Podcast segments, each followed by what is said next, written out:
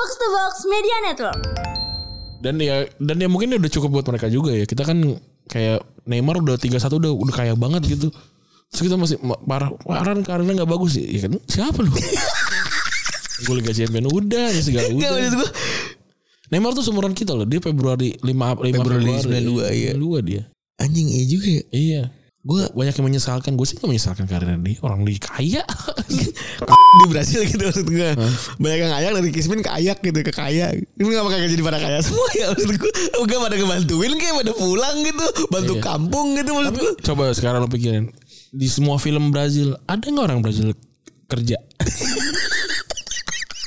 Main alop be. Apa party? Coba lo lihat. Itu gue minggu mulu kali di Brazil. Iya, orang ada yang belajar pisan. belajar nggak potong.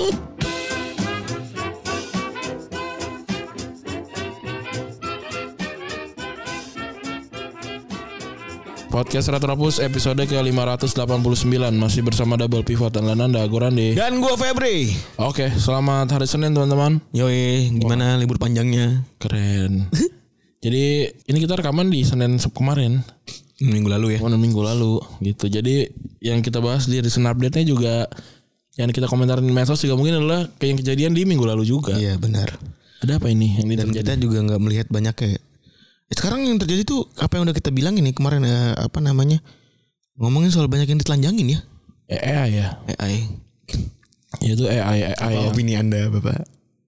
AI yang emang berbahaya Enggak kalau gue yang yang ini mah inilah apa susah berat lah ini ngelawan AI emang emang orang-orangnya aja. Dan jadinya kan sama kayak orang jualan pisau juga gitu kan. Banyak orang yang oh susah nih ngelawan orang yang bawa pisau atau yang bawa senjata karena bisa nembak dan bikin orang mati gitu kan. Itu kan soal Iya. pemakaiannya aja sebenarnya. Dan kan nggak orang nggak suka kalau misalkan kayak ya kitanya juga jaga diri lah. Jangan sebar foto yang gimana gimana gitu Iya. Ah, ya kan orang nggak suka kan gitu gituin ya. Jadi gue nggak mau nggak mau ngasih saran itu gitu loh walaupun mungkin ya oh iya bener juga gitu ada ada ya jangan yang kalau emang nggak ada nggak ada fotonya juga nggak bisa tapi kan orang kan ya kita lebih baik belain orang-orang itu dibandingin orang-orang yang pakai AI untuk ngedit ya kan ada salahnya di situ Iya iya. Tapi gue ngeliat ini ya udah balik lagi ke lu ya Ran tadi ngomongin soal pisau ya. hmm. Dan akan selalu begini sih misalnya akan selalu begitu pasti misalnya tiap tiap fungsi yang eh, berguna pasti ada side effectnya gitu. Dan perbokepan ini gue rasa jauh lebih gue nggak tahu ya. Lebih mudah gak sih ngaku enggaknya dibanding ngaku iyanya gitu kalau yang telanjang ini gitu kalau emang ada penyebarannya gitu. Iya lebih mudah tapi kan tetap aja malu lah. Beda gak sih perkakasnya gitu maksud gue Iya bu, maksudnya juga Iya kan itu itu kan kita kan diedit lu diedit muka lo jadi jelek aja bisa jadi marah gitu loh pas diedit telanjang. Jason diedit jadi flamengo aja marah iya. apalagi Iya jadi susah dan ya ini kan pelanggaran lah. ya ya Tapi susah maksudnya mau gimana mau mau nyari admin di balik itu juga susah. ya tapi gue sepakat sama lo maksudnya susah tapi ya tidak boleh ditolerir gitu maksudnya iya benar. ya Walaupun juga kan kita lihat wah bagus juga gitu. ada ada ada ngerasa gitunya maksudnya kan tapi kan nggak boleh. Kayak waktu itu kita bilang gitu ya kalau nonton bokep nonton bokep yang beneran aja jangan nonton bokep yang revenge porn. Re- revenge porn. Karena kan lagi rame lagi tuh kan di ini. Oh iya banyak banget ya. Iya. Ada yang pandeglang ya nggak salah Gak tahu sih tapi di mana tuh yang yang parah banget dia ngirimin ngirimin ada yang ngirimin ke guru. Bapaknya iya. Ada yang ngirim ke orang ke bapaknya ada yang ngirim ke adiknya dengan sekian. Anjing ya. itu parah banget sih. Tapi tuh cowok-cowok loser banget ya Ran ya ya gue sih ya itu udah salah lagi-lagi. Tapi maksud gue gimana sih caranya untuk menanggulangi? Jangan telanjang di di depan kamera udah. Iya sih iya iya. Apa pun alasannya gimana pun nggak jangan lah gitu kalau misalkan lu dikirimin nih gitu ya ya jangan dibales gitu. Maksudnya ini maksudnya konteksnya per- pacaran gitu misalkan dia. Dia ngirimin Jadi gitu, aku ngaceng banget. Iya gitu. Eh dikir kalau lu jangan janganlah jangan ngirimin balik gitu. Apalagi tapi cowok tuh juga toxic sih. Kadang-kadang kalau nggak dikirimin juga ngerengek-rengek kayak bocil. Ya jangan ya jangan jangan ya ini kan banyak cowok lagi ya. Ya jangan anjing gitu. Gue pernah nggak dikirimin? Pernah. Minta nggak? Minta nggak? Minta. Nah itu maksud gue eh eh gue nggak nggak minta tapi lagi gitu lagi boleh juga Susah nih, susah banget. Eh mostly nggak lebih ke gue pengen ngedukasinya laki-lakinya aja deh ya. Iya. Kalau ngedukasi perempuan kan mungkin denger kita kebanyakan laki-laki ya. Buat yang laki-lakinya maksud gue pertama kalau diputusin sama perempuan jangan mengecut. Ini gue Iya. konkret aja, konkret aja maksud gue gini. Jangan mengecut. Kalau memang dapat kenang-kenangan kayak gitu gitu ya udah enjoy aja gitu. Ya kalau menurut gue sih tapi dihapus aja mending sih. Iya, kalau emang mau fair, gamenya jauh lebih fair lagi lompat nih. Iya. Gamenya lompat lagi. eh lebih gentleman lagi, lu delete. Iya. Itu lebih fair lagi gitu. Jangan yang gumah-gumah ada yang eh, perempuan yang jauh lebih keren tuh ketika dia tahu eh, lakinya selingkuh, dia langsung dia nggak langsung marah, dia datengin HP-nya, dia main bareng, dia datengin HP-nya, di delete deletein semuanya eh, termasuk yang hidden. Iya, iya. hidden folder Hmm. di delete deletein udah put baru diputusin. Itu langkah preventifnya sih. Tapi maksud gue buat laki-laki please banget. Karena gue dua perempuan maksud gue. Ya gue pasti ya namanya ketemunya realita kan gue nggak pernah tahu tuh bocil gue ketemu sama siapa nanti.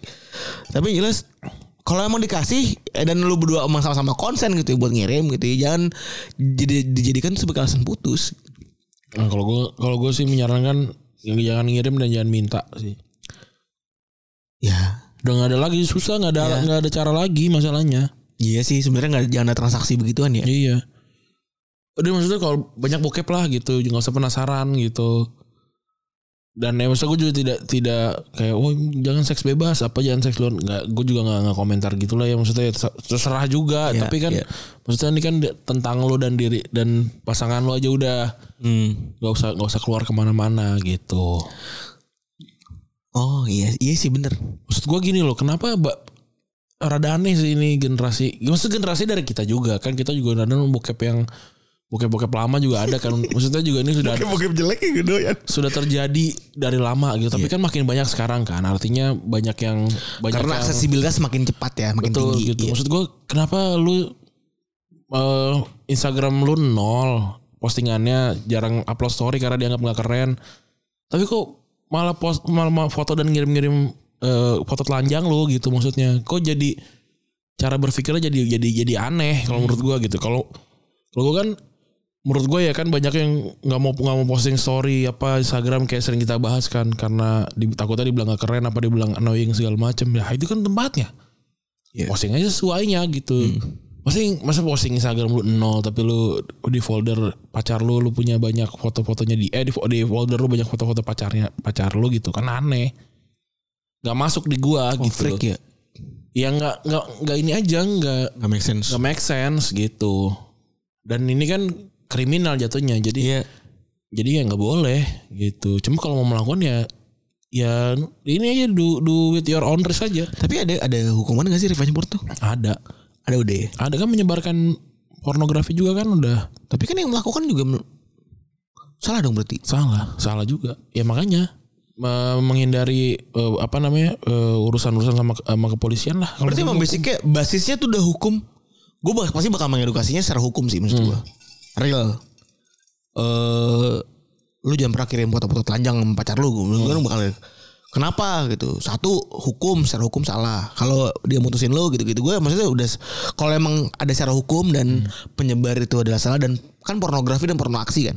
Penyebaran konten pornografi dan porno aksi itu berarti kan anak gue juga kena letter misalnya gitu ya. iya kena Ya, ya harus gue prevent gitu maksud. dan itu kan juga juga sering jadi jadi serangan buat orang-orang yang korban ya kan kayak ini gue sebar lu yang masuk penjara bisa jadi gitu loh Anjing ya. Iya. Terus alasannya kan iya HP-nya dihack apa gitu-gitu. Gitu. Ya kan gampang lah bikin alasan. Jadi mendingan enggak. Kalau kalau lu emang sayang sama pacar lu ya jangan diminta dan jangan dan jangan ngirim. Udah itu aja. Gila, kalau lu sayang sama pacar lu, sayang selanjutnya adalah itu ya. iya. Gampang sebenarnya. Kalau Iya. kalau kalau gua kan gini. Alasan gua nggak merokok karena kata nyokap gua merokok itu mendekatkan diri terhadap narkoba gitu. Nah kalau gua misalkan ntar dijebak narkoba, orang-orang udah pada tahu lah dia jangan ngerokok dan bisa ngebuktiin lah gitu ada walaupun juga ada orang yang ngerokok tapi narkoba. Iya. Tapi kan langkah preventifnya gitu. Jadi kalau misalkan tiba-tiba ada foto gue tersebar telanjang gitu kan, ya gue nggak pernah foto, jadi nggak mungkin ada. Oh. Tapi kalau lu pernah foto tapi yang tersebar yang lain kan lu tetap deg-degan kan? I see, I see. Gitu loh. Ya oh itu mah AI gitu. Iya, iya. Walaupun ya udah kesebar tetap malu gitu. Bukan bukan berarti jadi nggak malu. Anjing kesian banget ya orang-orang yang gak pernah foto begitu tapi kudu klarifikasi anjing. Iya, ya susah sih emang hidup di dunia internet ya. Ya sekarang sih masih jelek ya. AI-nya kalau gue lihat kan gue coba tuh dari Iya, iya, iya. mentionan si Aurel ya. Eh, Aurel kan cukup nge-spreading gitu kan. Ya itu udah banyak yang take down tapi kan masih banyak lagi ya Masih banyak lagi. Terus gue gue lokit. Gue bahkan nyoba experience di botnya tuh ada jelek gitu. itu itu tinggal upload dong berarti ya. Bener-bener tinggal up. Ini AI-nya nih kalau di Telegram tuh bener-bener tinggal upload. Terus kasih komen, kasih komen promen. Komennya udah ada pilihannya. Oh, ternyata gede gitu, ternyata kecil. Enggak ada. Jelek. Jadinya emang jelek lah. Actually actually itu kalau yang begitu-begituan kalau yang di iBot itu di tele itu jelek sebenarnya. Jadi maksud gua untuk lu menolak bahwa itu masih ada chance buat lu menolak dan mengklarifikasi kalau itu bukan lu dan itu AI-an gitu.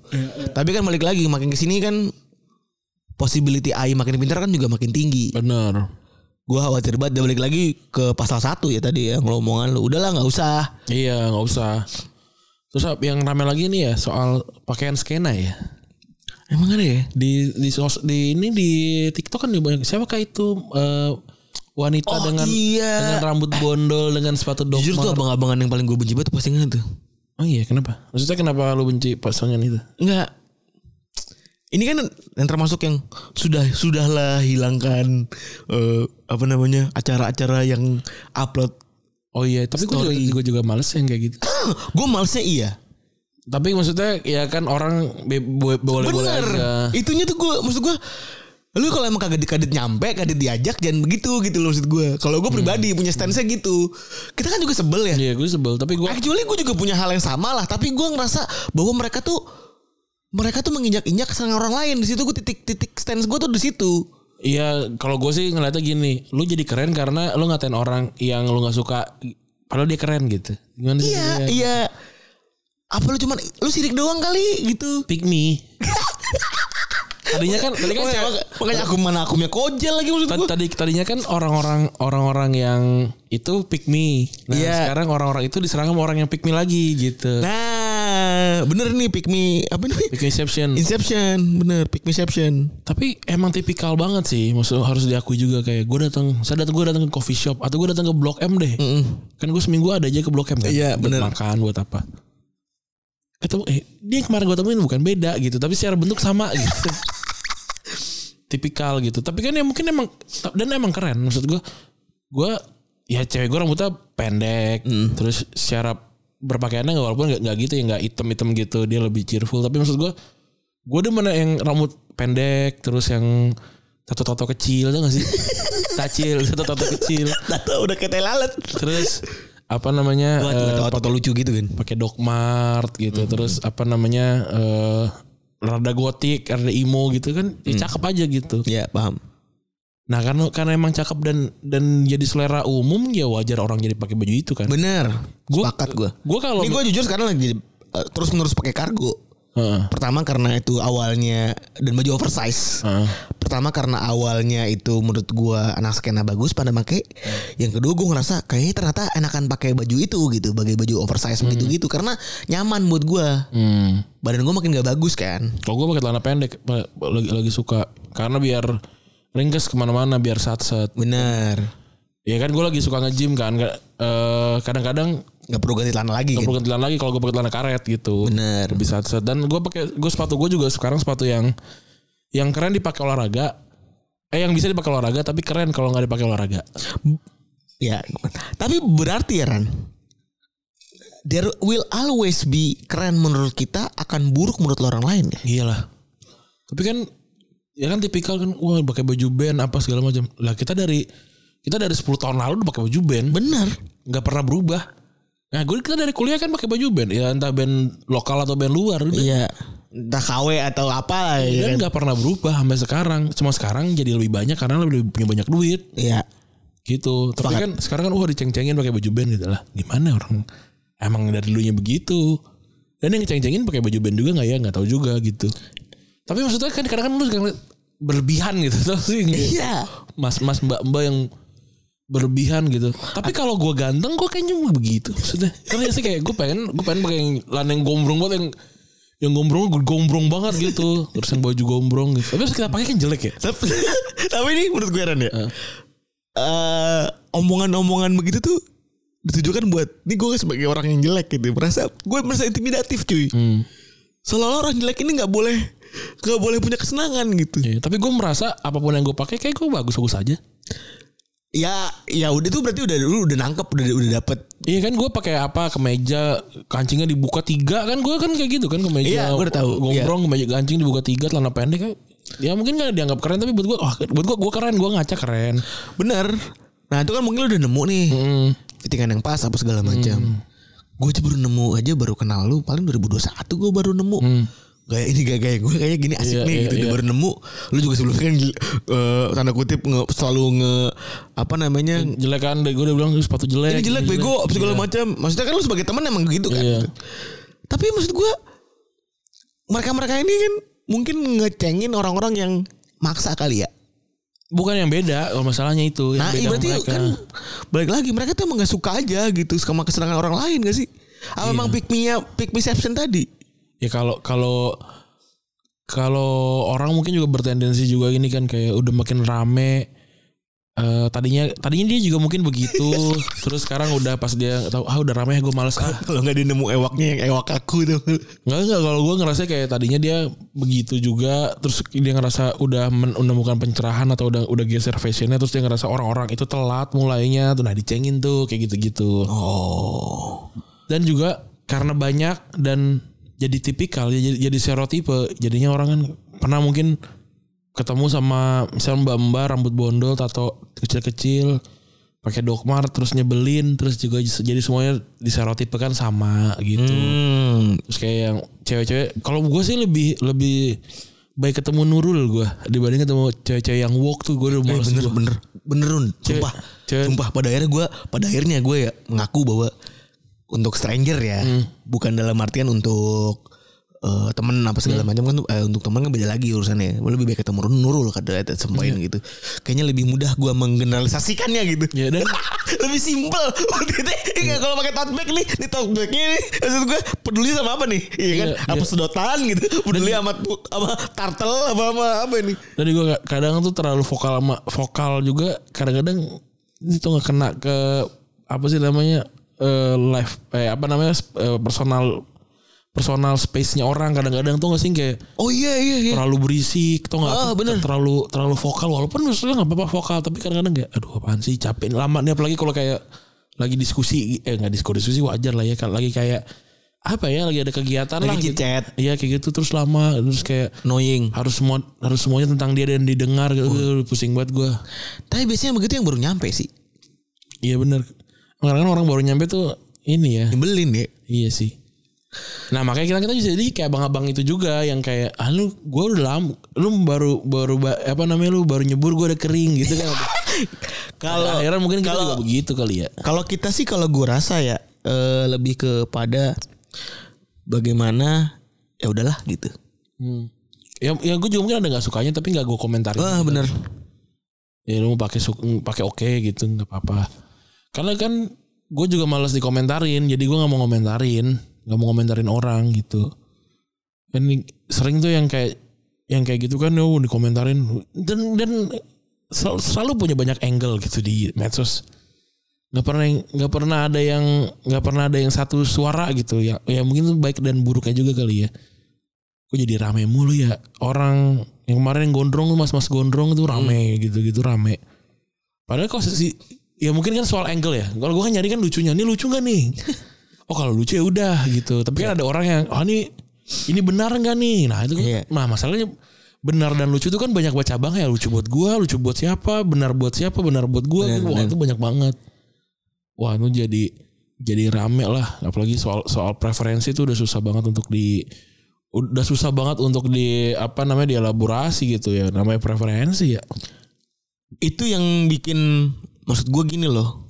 Tadi kita udah bilang eh, part yang eh, episode kemarin kita kan kita bilang bahwa ada kalanya eh, orang itu yang motong kurban itu segala macam ya, yang tidak boleh membawa Iya. apa segala macam. Pada akhirnya kita nggak mau counter Hmm. karena tuh udah persepsi orang itu Iya. gitu. Ada kalanya kita juga sebel kan, ya Allah. Ada karena kita sebel sama orang tolol kan. Iya. Ada opini tolol, ada opini yang perspektif pribadi dan kita membenarkan opini-opini perspektif pribadi karena buat kita tuh hidup tuh tidak udah tidak lagi benar atau salah gitu. Iya, tapi ya mungkin karena kita podcast bola ya, gue mungkin nyam- nyambungin ke bola. Tapi mungkin kayak anak-anak yang baru tahu bola tuh sukanya sama City gitu kan orang oh Katro sukanya sama City gitu. Lah emang pas gue tahu yang kerennya ini gitu. Mungkin juga orang-orang anak yang baru tahu baru punya duit, baru tahu fashion, lihat oh ini yang kerennya ini ya wajar mereka kasih itu. Dan lucunya orang-orang mas-mas ini mas-mas yang Dan kayak dan banyak orang yang terlalu capek. Aduh, MU udah banyak yang suka, City banyak yang suka. Aku nyari yang mana ya? Sunderland ah gitu loh. Maksudnya biar beda, biar cum- apa namanya nyari itu biar beda dan keren gitu. Padahal mah nggak bukan itu sih. Karena ada sekarang kan jadinya muter kan, kan oh, namanya juga fashion muter nih. Ya itu mah cuma karena biar beda aja. Bukan biar nyaman. Kalau gue mah kalau nonton bola biar nyaman aja. Eh nyari yang jago aja. Biar nontonnya enak iya. menang mulu gitu loh. Tapi ya boleh-boleh aja kalau mau lu nyari yang Boleh. mantep, yang yang apa namanya yang yang kadit mantep tuh pengennya apa segala macam Iya. masing-masing aja tuh sebenarnya. iya. Ya cuma pasti bilang oh gua nih paling beda. Nah itu baru lah. Nah, ya anjingnya sih mengintimidasi orang lain dengan Hmm. versi paling beda. Dan lucunya nih mas-mas yang itu siapakah? Gimana tuh? Polisi Kana itu kan polisi Kana tuh dia. Aha. Siapakah rambut bondol itu kan? Heeh. Itu dia ngedis juga cuy. Oh iya. Wadon-wadonnya. Heeh. Jadi mbak-mbak yang disebut siapakah itu bikin di stage videonya Yang yang lepas pak sendal sepatu, sepatu itu ya? Iya kabur ya kan Aha. Terus kabur ya, Mereka juga pada akhirnya kan Iya. Ngerasa ada yang ngedis lagi gitu Iya iya iya. Kalau ngomong-ngomong ketidaksukaan balik lagi ini ke preferensi personal gitu dan ada aja apa sih juntrungannya. Oke, kita masukin ke masuk bola. Masuk bola sebenarnya satu hal yang kalian kita bahas adalah ngomongin Vitor Rocky ya. Ini pemain lu bukan sih yang dia? Iya, gua main di FM pakai dia nih. Ini dia ya. Iya, pakai pakai dia. Tapi dia belum belum kelihatan jago sebenarnya kan. Belum kenal jago sebenarnya, masih biasa aja mau dibeli Barca ya. Mau dia mau dibeli Barcelona. Tapi harganya masih mahal katanya. Benar. Belum nemu kesepakatan dan mau dibeli sama beberapa klub. Tapi satu hal yang aneh dari dia langsung mahal ya harganya ya. Iya, karena karena apa ya? Karena mungkin Hendrik juga dibeli mahal dengan umur yang Eh, Hendrik tuh Madrid ya. Iya, Hendrik umurnya 16 tahun, gila. Dan eh, uniknya sepak bola Brazil tuh kan biasanya punya release clause yang cukup biasa aja harganya. ya. Mhm. Kayak gue tuh sering banget ngerampok tanda kutip ngerampok pemain-pemain Brazil gitu harganya Iya. cuman 20 juta. Iya banyak yang 15. yang murah-murah banget. Iya eh ada di mereka punya klausul jika ditawar sama klub Eropa yang masuk Liga Champions gitu-gitu kan ya. Iya, apalagi kayak misalkan mungkin juga kayak si pemain Brazil juga bilang kan gue gue suka banget sama tim ini kalau dia nawar tolong dilepas lah. Bisa- Iya. bisa jadi gitu. Ada Dan gitu. boleh-boleh aja. Kayak gitu-gitu sehingga ya wis lah jadinya kepindahan. Tapi ini umur 18 tahun ya eh, dan ini 2023 udah bikin 12 gol dan 5 5 assist buat Paranaense ya dari 27 laga. Bulan Maret kemarin dapat caps perdana buat tim senior Brazil dan sejak bulan Maret eh, Roku jadi eh, incaran beberapa klub Eropa. Yang paling santer adalah dua orang ya, dua klub. Barca dan Arsenal Tapi kata Fabrizio Romano Roku dari awal cuma mau join Barca Sampai akhirnya Atletico Paranaense Sepakat secara verbal Buat lepas Roku di angka 35 plus 10 juta Ini baru, baru kabarnya ya Roku bakal dikontrak sampai 2008 Dengan penjaminan gaji eh, terus naik tiap musimnya dan Vitor Roque ada dua, dua talenta eh, muda Brazil lain yaitu Andre Santos dan Endrick yang belakangan juga baru diamankan klub eh, top Eropa lain yaitu Andre ke Chelsea namanya Andre Mm-mm. Endrick ke Real Madrid Endrick berapa 16 tahun ya Ren ya? 16 tahun. eh anjing ya. Dan Andre dibeli Chelsea dari Vasco da Gama eh, pada Desember 2002 eh, 2002 lalu eh, 12,5 juta euro dan main 19 tahun ini juga sempat jadi incaran City dan Newcastle. Hendrik juga ditebus Madrid dengan dari Palmeiras eh, Desember lalu seharga 35 juta euro plus 25 juta euro add-ons dan umurnya masih 16 tahun dan bahkan belum punya izin kerja. Iya, masih masih belum bisa. Baru tahun depan. Dan ini berarti boleh ya? Boleh, boleh. As long as belum pindah kali ya? Gue lupa namanya apa tapi tapi Pre bukan. agreement gitu kali ya Ren? Iya, tapi tapi apa ya? Ada ada, ada ininya, ada ada hukumnya sendiri tapi gue lupa namanya apa. eh secara ini menunjukkan bahwa kita tidak pernah akan tidak pernah berhenti melihat gimana Brazil untuk meng- me- memiliki talenta-talenta bagus ya. Iya. Dan kok bisa ya bisa bisa bisa Sustainable itu ya. bisa segitunya juga Iya. gitu. Ehm, dan pemain-pemain Brazil yang sekarang nih kerennya ini ya apa memang memang disiap disiapkan untuk tim-tim Eropa gitu. Kalau lu lihat banyak banyak lah pemain-pemain yang wah anjir ini mah udah udah bisa masuk ke fit in, udah fit in langsung masuk ke ke strategi gitu. Jadi bukan tim eh bukan player bukan tipikal eh, player gitu tapi tim player jadinya gitu loh. Mhm. Udah bukan bintangnya lagi tapi ya masuk ke masuk ke apa namanya? ke sistem gitu. Ke sistem benar. Hebat-hebat banget dan ya ini kayak Endrick. Kalau nontonnya Endrick kan juga bukan cuma striker tapi bisa main di sayap kiri kanan gitu. Terus kalau Andre Andri juga ini juga kalau lu lihat tipikalnya udah udah tipikal playmakernya Eropa gitu. Tapi dan gue bingung ya Ran. Kurikulum mereka tuh bisa ngikut terus ya. Karena mungkin miskin ya. saya. Lu lihat teman-teman yang yang miskin juga kan eh, kerjanya lebih giat gitu-gitu kan. Karena ya ini demi mengangkat Derajat. derajat keluarga gitu. Satu hal yang belum gue deng eh, belum gue dengar dan mungkin belum gue pernah baca juga adalah kisah-kisah mereka-mereka yang gagal nih loh. Yang Brazil. Iya gitu maksud gue. Gue jujur kayak yang end up di Indone- di Indonesia gitu-gitu kan. Eh, ya mungkin tapi kan tetap jadi pemain bola dan maksudnya di Indonesia tinggalnya ya nyaman gitu kan sejelek-jelek kayak sekojol-kojol main Brazil kan jadi main selundupan di Indonesia misalnya gitu atau di negara lain gitu. Iya iya. Iya gak sih? Ya Brazil kan memang tapi gua nggak tahu ya DN- DNA emang bener sih adanya gitu ya. Eh, jadi Brazil emang jago dari dari dari sananya gitu. Jadi Danilo Fernando tuh Uruguay eh dan yang Brazil tuh Fernando tuh Uruguay. Yang Iya. Bra- yang Brazil itu yang back tuh siapa namanya Jameson apa Jamerson ya. Terus sama yang nomor yang umurnya 40 tahun siapa gue lupa yang dari Madura. Itu Iya juga. tuh maksud gue kan gembel pasti ya di sono ya gitu. Iya gembel. Tapi kan ada juga tuh yang main Persis Solo ya. Sempat main di U17 juga Piala Dunia U17. iya, iya. Gitu banyak lah yang yang jago juga gitu. Kan sering ada pembahasan ya Indo- Indonesia kok nggak bisa gitu ya kayak Brazil gitu. Ya emang DNA-nya nggak ada. DNA-nya main bulu tangkis gitu. Iya, dan gak salah juga kan. Dan nggak salah juga gitu. Brazil main bulu tangkis. Dan dia juga nggak nggak ada nggak nggak dikomentarin Tapi- yang yang bulu tangkis. Tapi Ren, ini kita sebelum bahas ke pembahasannya ya. Ini kan banyak yang ayak ya di Brasil gitu maksud gue. Banyak yang ayak dari Kismin ke ayak gitu ke kaya. Ini gak bakal jadi pada kaya semua ya maksud gue. Gak pada ngebantuin kayak pada pulang gitu, bantu Iya. kampung gitu maksud gue. Coba sekarang lo pikirin di semua film Brazil ada nggak orang Brazil kerja? Main alop be. apa party coba lu lihat itu gue minggu mulu kali ini di Brazil Iya, orang ada yang belajar pisan. belajar nggak potong. Ente main bola Coba digang lagi. di film-film di film-film yang ada Brazilnya kan party ya kan Iya.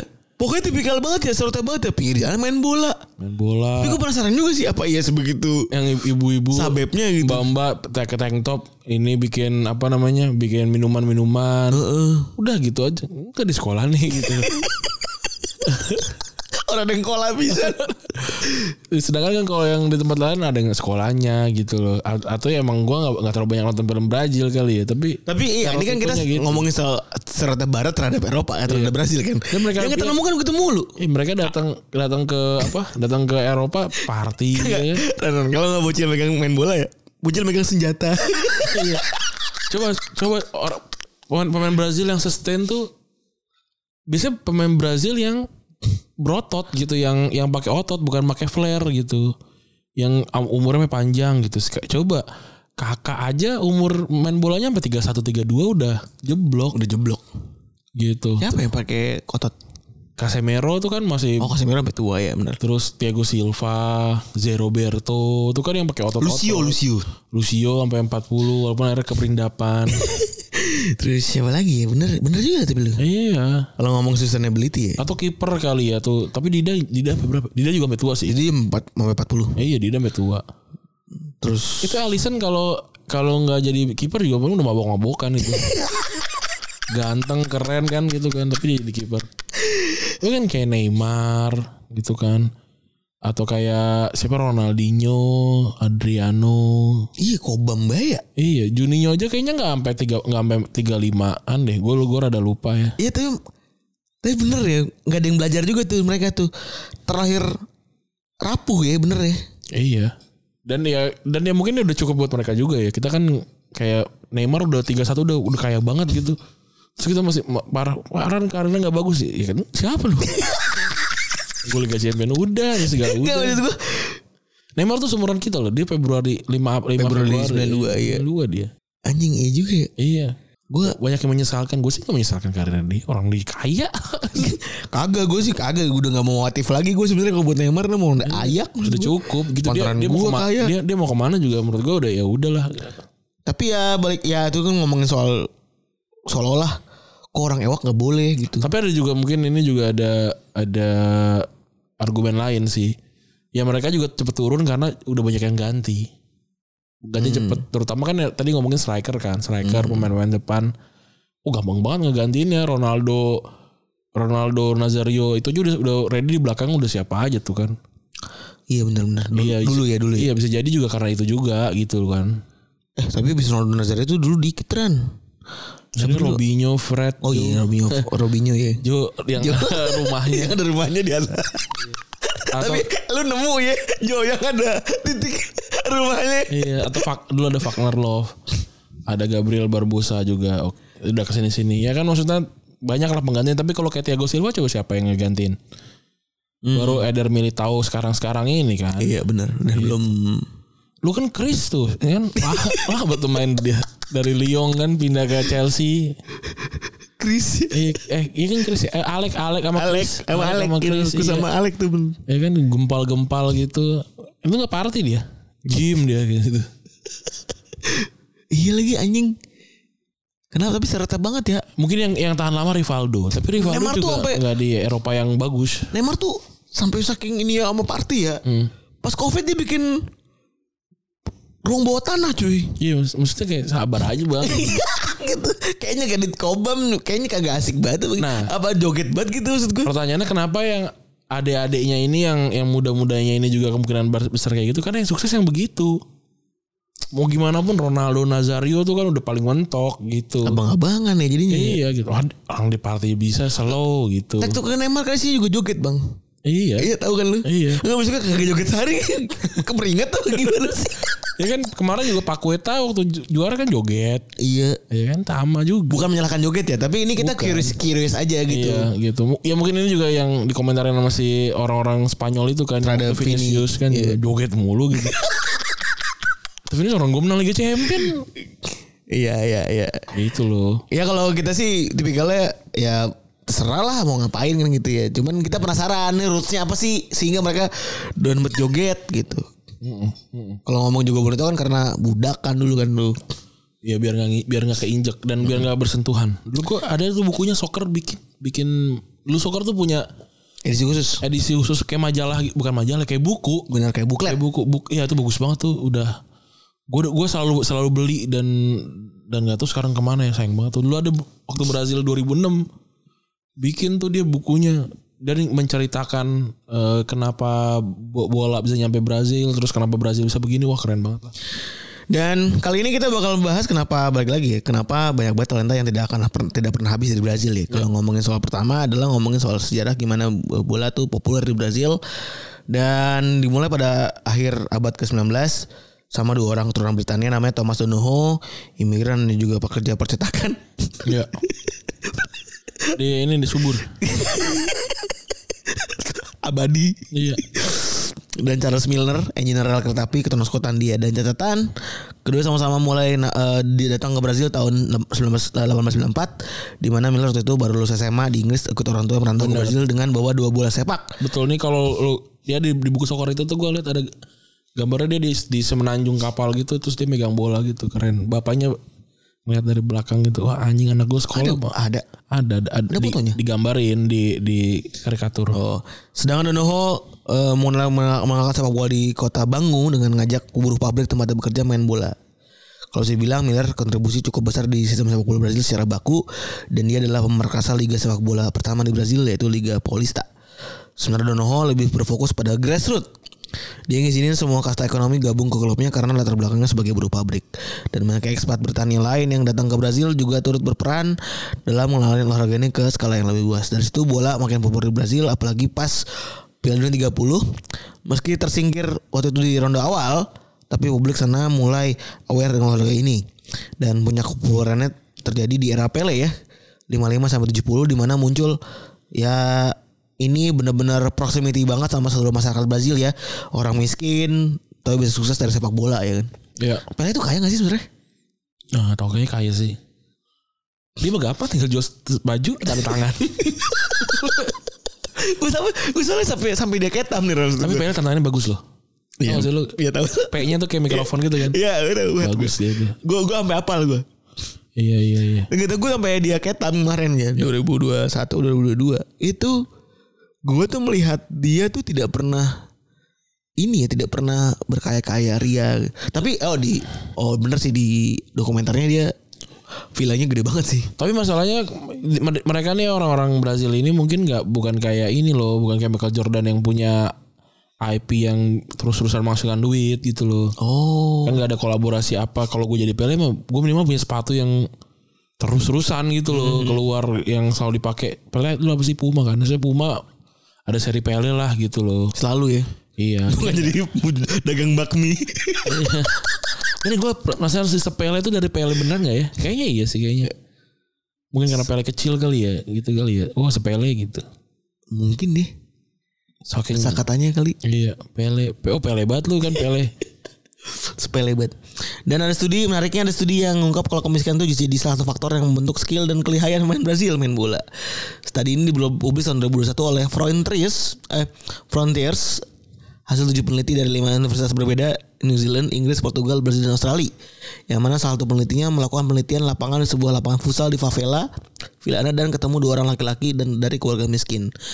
Waktu ditanya mengenai harapan buat jadi pemain profesional ke depannya, anak A menjawab secara gamblang kalau dia pengen jadi pemain bola supaya bisa menghasilkan uang, uang banyak. Berarti tadi Iya iya benar. ledekan Randi berhasil be- betul ya divalidasi oleh penelitian. Dan waktu penelitian itu anak A mengaku kerja jadi kurir narkoba sekaligus pemakai. Keren. Ini bener stereotipnya dia. Kalau nggak main bola megang senjata. Emang kalau nggak main bola narkoba. Bede banget. Gak belajar gak apa Ini Kola dong Kola Astagfirullahaladzim Bede dia. keren. Iya Main bola kadit bang Kita Edep Iya. Anjing anjing Anjing banget Eh set- Pemakai juga Waktu penelitian anak A mengaku kerja jadi kurir sepak bola Segala pemakai anjing Anak B Mau jadi pemain profesional Karena Ronaldinho Wah.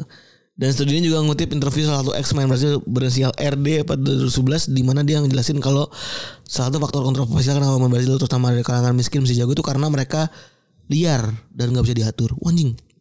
Oh, aneh juga ya. Kenapa itu jadi faktor utama ya? Karena mungkin pengen mendobrak terus kali Ren. Iya mungkin ya. Dan dengan minimnya edukasi terkait etika itu mereka ngerasa bebas ngelakuin apa aja di mana aja. Dan mereka tuh nganggap semua tempat tuh rumah mereka. Ini tuh biasa Ren ya. Sama kayak kita bahas eh sama Bang Abdur dulu tuh. Hmm. Orang timur ya. Iya, rada mirip sih ininya ya. Apa namanya caranya mereka survive-nya ya? Iya. Maksudnya kalau lagi ngumpul tuh kadang-kadang suka eh, apa ya suka beda normanya gitu. Kalau kata Bang Abdul, Abdul kan dulu ya iyalah kami kan rumah jauh-jauhan gitu. Iya. Setelah musik besar-besar juga nggak ada yang marah gitu kan. Dan akhirnya mereka punya mental yang kuat ditambah main miskin yang sejak kecil udah di, di tempat atau sering kejahatan di sekitarnya juga ngerasa pressure di bola itu hal kecil. Watching. Hmm. Kalau nggak main alep Kan tembak-tembakan ya. tembakan. Dagang narko cuy. Wah gila. Gila. mereka main sepak bola kayak suatu hobi kesenangan di mana pun pressernya bangsat. Nggak maksud gua gimana gitu? Iya. gimana justru ini tempat paling tidak nyaman untuk bermain sepak bola? Menghasilkan pemain-pemain sepak bola handal yang Iya, yang, amat sangat luar biasa gitu. Yang saking jagonya sampai kayak Deco diambil Portugal gitu-gitu ya. Kan harusnya dia bisa main di mana pun kecuali timnas Brazil ya gitu ya. Akhirnya dia diambil Portugal saking saking hebatnya. dan dan dalam di studi ini juga ngutip wawancara main ex Corinthians Emerson yang antar timnya juara Copa Libertadores 2012 Waktu itu Corinthians seimbang 1-1 di Liga Final Leg 1 Yang main di kandang Boca Pas tanya soal pressure di stadion Emerson jelasin gimana masa kecil hidup di favela tuh bikin mental dia kebal sama pressure Waktu gue lahir dan gede di tempat yang penuh akan hal mungkin lo gak akan pernah lihat Pressure nyata bagi gue itu adalah ketika lo harus berlindung di kasur dalam ketakutan Kalau tiba-tiba ada peluru liar yang nantep di, di, di kepala atau dada lu kalau kadit kola, kadit kola kalau nggak main bola. Kalau enggak Pak, mak bapaknya party dum dum dum dum dum. Terima kasih orang baik. Kalau nggak perlu nyasar cuy. Iya iya iya. Tapi TikTok Brazil tuh juga berarti isi joget semua ya? Enggak ada yang lain. Oh, gue pernah, gue pernah, gue iseng pernah. Kan kalau kalau kita ada yang tahukah kamu gitu? Iya. Yang ngejelasin gitu atau kayak apa cerita horor kalau Brazil tuh ya deh joget gue pernah masuk ke mana ya? Masuk ke akun lawakan Brazil. Oh iya, itu Ada di, Twitter tuh tiba-tiba masuk ke gue. Terus isi bener ma- mayoritas joget. lagi enjoying party tiba-tiba kepleset gitu-gitu. Iya, ini Joget kabeh gitu. Iya, iya kan keren ya gitu. Kok, kok bisa ya segitunya kan? Semuanya joget gitu. Orang itu wah joget semua nih gitu. Ya Brazil mungkin ada belajar-belajar juga joget gitu ya. Dan faktor ketiganya adalah eh skill ma- pemain adalah karena perkembangan mel- malan dragem. Apa itu? malan dragem adalah istilah buat kemampuan pemain gocek bola yang terbentuk dari kondisi di mana pemain rutin main bola di mana aja dan kapan aja. Hmm. Termasuk bola jalanan yaitu pelada. Di pelada Brazil semua umur bisa nyampur satu lapangan. Artinya anak usia 6 tahun bisa ngelawan anak usia 16 tahun dan bola Ya jalanan. jangan lah ya. Iya sih? ya janganlah anak bawang. Iya tuh saya anak bawang tuh ya. Iya. Yang gambreng nggak dia nggak dia aja. iya, kudu punya modal bola dulu tuh bener. Iya. Dan jalan di sana nggak mengenai mengenal pelanggaran kecuali pemain berdarah atau cedera. Dan adanya musuh yang cedera mental akan ukuran fisik gas badan tentu bikin mereka muter otak buat ngalahinnya. Nah, di situlah skill gocek menggocek adalah eh, dilatih ya. Dan X-Men berinisial VL bercerita kalau di masa kecil peladalah yang ngasih dia untuk bikin keputusan, problem solving dan manfaatin ruang-ruang buat ngegocek. Wah, ini Gila ya. anjing gua nggak kepikiran loh. Ini dasar basicnya itu adalah ruang sempit. Gue pikir cuma bahan lelucon doang ya. Iya ruang sempit emang bener. Karena kan harus mema- memanfaatkan ruang kan. Sama yang katanya nggak boleh ya beneran nggak boleh nginjak kaki orang orang kulit putih kan. Jadi mereka harus joget. Anjing ini gue nggak habis pikir ya. Teori-teori sport science tuh, sport science tuh bubar loh bener. Sama orang Brazil. Sama orang Brazil.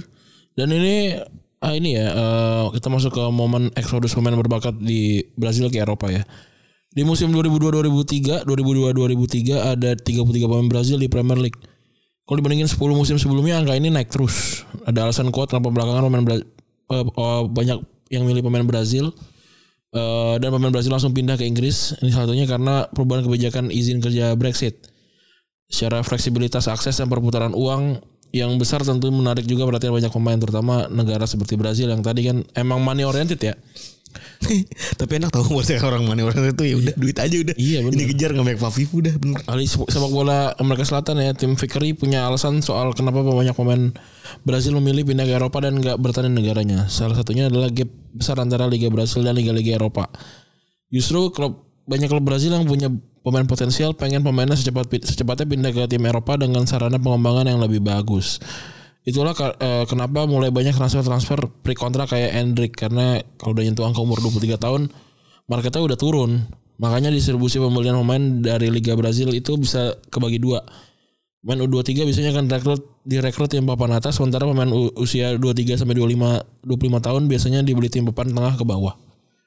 Perputaran pemain Brazil di Eropa sendiri bukan cuma terfokus di IPL tapi juga liga lain terutama di Eropa Timur. Ya kan Wagner Love. datang kan datang ke eh, Ukraina atau ke Rusia gitu-gitu kan. Dan banyak pemain random juga yang ngetopnya di situ dulu baru pindah. Willian kan juga kan? William juga sama. Gedenya Saktar dulu kan. Iya. Dan Shakhtar kan isinya kan Brazil semua, Luis Adriano. ya kan? Kayak kayak kayak kayak penampungan dia. Iya, banyak banyak orang Brazil yang situ. Entah kenapa kan padahal dingin ya maksudnya kan. Tapi bener sih, Saktar itu banyak banget main Brazil yang pada akhirnya terkenal di Eropa karena Saktar ya. Iya, banyak. banyak. Fabiano, Willian. Iya, Luis Fabiano juga di situ. Kok Rusia juga ada kan Wagner Love juga kan? Wagner Love Rusia juga. Atau pindah ke Liga Jepang kan di Liga eh, apa namanya di Liga Korea ada tuh yang dari Incheon siapa striker nomor 9 lupa gua. Banyak juga. Yang nggak ada ke ke eh, apa namanya Arab tuh eh ke Arab lagi ke Afrika nggak ada. Karena Sama-sama susah. Iya. susah juga di situ. ah nggak ada Sugi juga. Iya. Nggak ada pindah kemari. Cuma dapat apa namanya pulsa, pulsa GSM yang gue ngapain juga gitu. Makanya kayak Oscar pindah ke ke Cina. Cina, ya udah orang ya gue udah udah cukup udah menang Liga Champions udah menang Liga Eropa. Sekarang saatnya ya? nyari duit gitu. Ya, mungkin ya, begitu ya. apa-apa juga, iya. Ya bener nggak ada ngapain lagi gitu. Iya kayak misalnya lu yang kayak kayak gitu sering bahas kayak kenapa mana udah kaya terus bangkrut gitu ya dia nggak mau. Pindah. Justru kita lebih suka kayak Oscar gitu. Iya Oscar gitu. Oh ya udah bang pindah. Dan mas kita pindahin kita balikin lagi dia ke Eropa, oh keren gitu. Saya waktu kita main FM kan sering tuh Iya. temanya Pas manggil tua-tua. manggil manggilin pemain-pemain yang begitu tuh. Iya. Manggilin lagi. Hulek-hulek. Ya dulu Hulk kan juga kan nggak nggak nggak make it ke mana-mana cuma cuma di Porto doang kan. Iya. Maksudnya pindah ke Shandong Luneng kan udah. Sekarang Zenit masih ya? Itu sempet Zenit tapi enggak sekarang udah di ini kayaknya di udah pensiun kayaknya. Duh, gue gak tahu gue kata Dulu- kabar, dulu- dulu kabar selingkuh aja dia. Dulu gua gua du- eh, FM 2008 2009 tuh gua pakai dia tuh. Keren banget kan. Namanya namanya keren Hulk ya. Iya. Karena mukanya mirip sama itu yang ternyata model ini ya, pemeran pemeran asalnya orang Brazil ya. Kalau ngatain orang jadi panggilan lagi. Nama adalah doa. Dan buat apa namanya buat gimana cara Brazil mempertahankan main mereka sebenarnya mungkin nggak ada kali ya. Mungkin lu bisa bilang mereka juga enjoyable sama itu Iya. dan gak sedikit juga yang memilih buat tetap berkarir di Brazil meski dapat tawaran eh, klub besar. Contohnya winger Palmeiras eh, namanya Estevao yang pada bulan April baru memanjangin kontrak sampai 2006 padahal 2002 lalu PSG bikin tawaran seharga 35 juta euro buat diboyong Estevao tapi ditolak. Di kontrak barunya si Estevao bakal punya klausul rilis sebesar 60 juta euro. Ngelihat ini juga tergolong kecil sebenarnya buat yang Iya. berapa sekarang ya Iya. dan gap inilah yang bikin klub Brazil nyaris nggak punya bargaining power buat mempertahankan pemainnya. Yang ada dialah main Brazil yang nyoba merantau ke Eropa Eh, dan balik lagi ke Brazil contohnya Ganso ya kan Iya kan so gagal tuh ya. Ganso di mana dulu Dulu di Sevilla, yang di Eropa Sevilla, tapi nggak nggak ke mana-mana lagi. lalu ada Pedro Guilherme eh, pada mulai maning ya Iya. Dan 20 ribu pemain di skuad Brazil pada Piala 2022 itu berasal dari tim Eropa. Berarti ada kesempatan lebih besar buat membela timnas senior ketika mereka berkarir di Eropa. Tapi nggak sedikit juga yang memilih menghabiskan karir di Brazil misalnya Seni dan Garincha ya. Garinja tuh pernah di Fiorentina juga gak ya? Iya pernah deh. Pernah sekali. Iya. Pas udah tua eh pernah kita bahas juga kan Garincha kan? Iya pernah. Tapi si Zico tuh termasuk yang protes. Iya. Nggak lupa gue masukin. Eh, protes karena dia tuh ngerasa liga lu nggak bakal bisa maju kalau Oh, main terbaik. si Garinja nggak pernah dia. Kalau main-main terbaik lu lu keluarin. Hmm. Tapi ya maksud gua tapi Zico pun nggak punya langkah konkret gitu maksudnya. Jadi dia cuma Iya, ngomong selain ngerokok ini sih bayam sore itu dia. tapi si Zico nya pun tidak punya langkah konkret dalam artian apa gitu lu mau bikin apa orang duit maksudnya Iya. ini orang dari miskin pengen jadi ayak ya kan salah satu caranya adalah ya pindah ke Eropa ya make sense gitu Bener bener bener. Ya dia kan juga sempat ke Eropa juga kan. Iya Ke Udinese. tapi dia Fafifu ngomongin soal kalau ke luar negeri dan lain-lain Iya. susah juga orang ngebandingin dan Piala 2002 tuh banyak main Brasil yang orang Brasil ya yang main di Brasil kan Lebih banyak. Iya. Ingat gak sih lu? Iya lebih banyak. kipernya siapa namanya Eh Taf- bukan Tafarel. Siapa? Marcos. Marcos juga kan main di Brasil siapa Marcos Arab, yang iya. kalau main di WEU Marcos Marcos Marcos Nggak Marcos diganti karena gede- bagusan Dida. Iya, selalu tuh always. Kadang-kadang kalau langsung start, ah ngentot, Marcosnya masih di atas. Iya iya. Eh gue ulang. Ulang-ulang, mana Marcosnya? Itu Marcos kayak yes, Marcos di PS, yes main. Terus langsung di start menit Iya. satu kan. Gelap. Baru prit. Iya, iya. Sering tuh kayak gitu kan kalau ya, apa namanya eh Itali gitu. Ya Mataraji yang main bukan Nesta. Iya sering banget main-main yang utamanya Cedera soalnya. Enggak kadang-kadang juga emang anjing main utamanya kan ya namanya real real life ya utamanya kan secara statistik mungkin gak sebagus Iya kalau kalau di kalau di game gitu biasanya kan karena waktu itu dia startnya dia cedera kayak si Nesta kan cedera kan di 2006 jadi yang, yang start emang Materazzi gitu-gitu. Oke lah untuk episode kali ini ya. Masih teman-teman sudah mendengarkan gue Rani cabut. gue pergi cabut Bye.